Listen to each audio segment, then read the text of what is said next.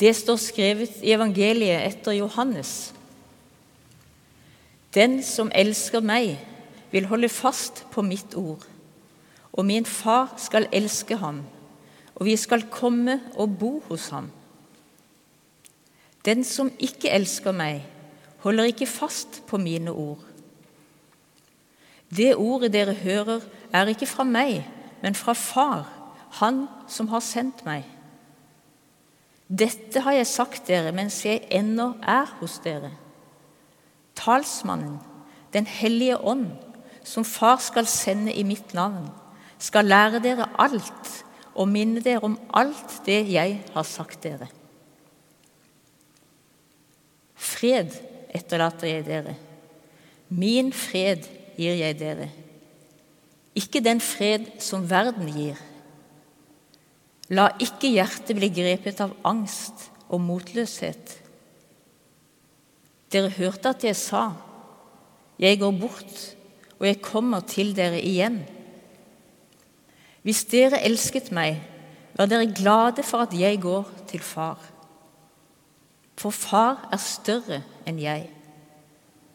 Nå har jeg sagt dere dette før det skjer, for at dere skal tro når det skjer. Slik lyder det hellige evangelium. Jeg har strevd med denne prekenen mer enn ellers. Ikke fordi at jeg ikke hadde stoff å stille opp med om Den hellige ånd og om pinse, men fordi jeg syntes det var vanskelig å finne ordene. Ord for det som er så vanskelig å fatte, det som egentlig ikke kan fattes. Og ikke bare det, men når vi lever i en tid med mer ufred og råskap i Europa enn vi er vant til, en tid fylt av stort alvor, hvordan kan budskapet om Den hellige ånd da bety noe? Det nytter ikke å bli værende hos disiplene, iallfall. Ikke når livet her og nå kjennes så usikkert for mange, eller så truende, eller så langt unna den freden vi hørte om i dagens tekst. Og Likevel så samles vi her denne søndagen for å feire Guds ånd, Guds pust eller Guds vind, som hvisker og suser ute i naturen, men som også beveger seg mellom oss og i oss. Her om dagen var det en som sa at ånden kan være både medvind og motvind. Det ga resonans i meg. Det traff en streng som må klinge med denne dagen. For ånden er ikke bare den milde fønvinden som stryker oss med hårene. Ånden kan også være i stormfulle dager, når fraværet kjennes sterkere enn nærværet. Når angst og motløshet prøver å feste grep i oss. Ånden er Guds nærvær der vi er.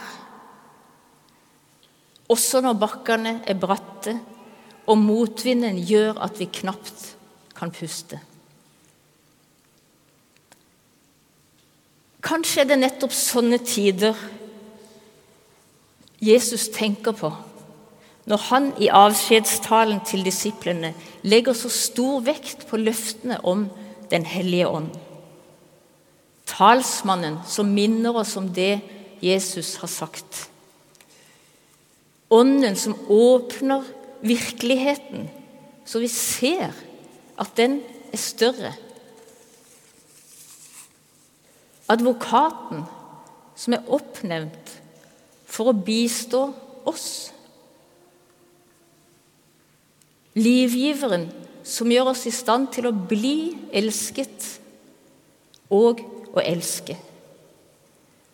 Kjærligheten som strømmer mot oss midt i det som utfordrer,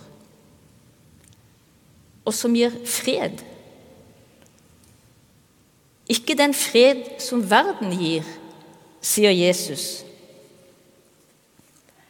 Verden er et tvetydig ord hos evangelisten Johannes. Det er den verden som Gud har elsket så høyt. Men også den verden som har lukket seg til for Gud. Den som regner med at mennesket klarer seg sjøl. Den som glemmer løftene om noe mer. Løftet denne pinsedagen er at Åndens pust, opplevd som motvind eller medvind, vil hjelpe oss å huske. I dagens tekst sier Jesus at Den hellige ånd vil minne oss om det han har sagt. Og Da brukes samme ord som to ganger tidligere er brukt i Johannesevangeliet, om å huske Ordet er brukt i forbindelse med at disiplene ikke skjønte hva Jesus mente. Men, sies det, da han var stått opp fra de døde, da husket de. De fikk hjelp til å forstå betydningen av det Jesus hadde sagt. Også vi lever i denne tiden, der Ånden kan hjelpe oss å huske ting noe som kanskje er blitt bare død kunnskap. Ånden kan hjelpe oss å ane noe vi ikke har forutsetning for å forstå. Så vi blir berørt, og noe faller på plass. I denne gudstjenesten har vi hørt lest kontrastene mellom den babelske forvirring og klarheten som spredte seg da Den hellige ånd kom på pinsedag. Og alle forsto på sitt språk at Jesus ville samle det som var spredt, åpne det som var blitt stengt, og skape fred mellom Gud og mennesker, mellom mennesker, i mennesker og mellom mennesker og naturen. For når Jesus sier 'fred gir jeg dere', så har det nær sammenheng med det hebraiske ordet 'shalom'. Ordet har mange nyanser. Det kan bety en indre sinnstilstand, en dyp åndelig erfaring, der vi kommer til fred i oss selv. Men Guds shalom, freden, er først og fremst dette at Gud skaper liv og sammenheng. Guds shalom er Guds fred som ordner livet i naturen og hele skaperverket. Så samspill og samhørighet kan pulsere og som kan gjenopprette forbindelser når relasjoner er brutt.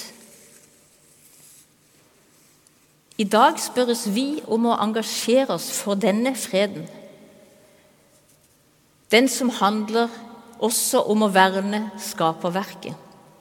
Så nye generasjoner kan våge å tro og håpe på framtida. For alt menneskeliv er avhengig av alt annet liv. Freden kommer ikke av seg sjøl. Pave Paul den sjette sa på 1960-tallet fred er kjærlighetens virkning. Fred er kjærlighetens virkning. For freden kan aldri dekke over urett. Den kan ikke disse ned overgrep og krigsforbrytelser. Den kan ikke godta at mennesker stemples ut fra legning, hudfarge eller overbevisning. Det finnes ingen fred uten rettferdighet. Guds ånd blåser som motvind når mennesker krenkes og klimakrisen brer seg. Men den blåser i vår verden. Ånden puster fortsatt liv i skaperverket og mellom oss. Den sprer seg til alle mennesker av god vilje, som kjemper for rettferdighet, for mennesker og for naturen. Vi lever i tiden etter Jesu oppstandelse. Ånden som ble lovet, er virksom nå. I medvind og i motvind. Dette er tida der håpet er sterkere enn krisene. Fordi kjærligheten har vist seg sterkere enn døden. Ikke en triumferende kjærlighet, men en sårmerket kjærlighet som minner oss om dette. Fred etterlater jeg dere. Min fred gir jeg dere. Ikke den fred som verden gir. La ikke hjertet bli grepet av angst og motløshet. Ære være Faderen og Sønnen og Den hellige ånd, som var, er og være skal, en sann Gud fra evighet og til evighet. Amen.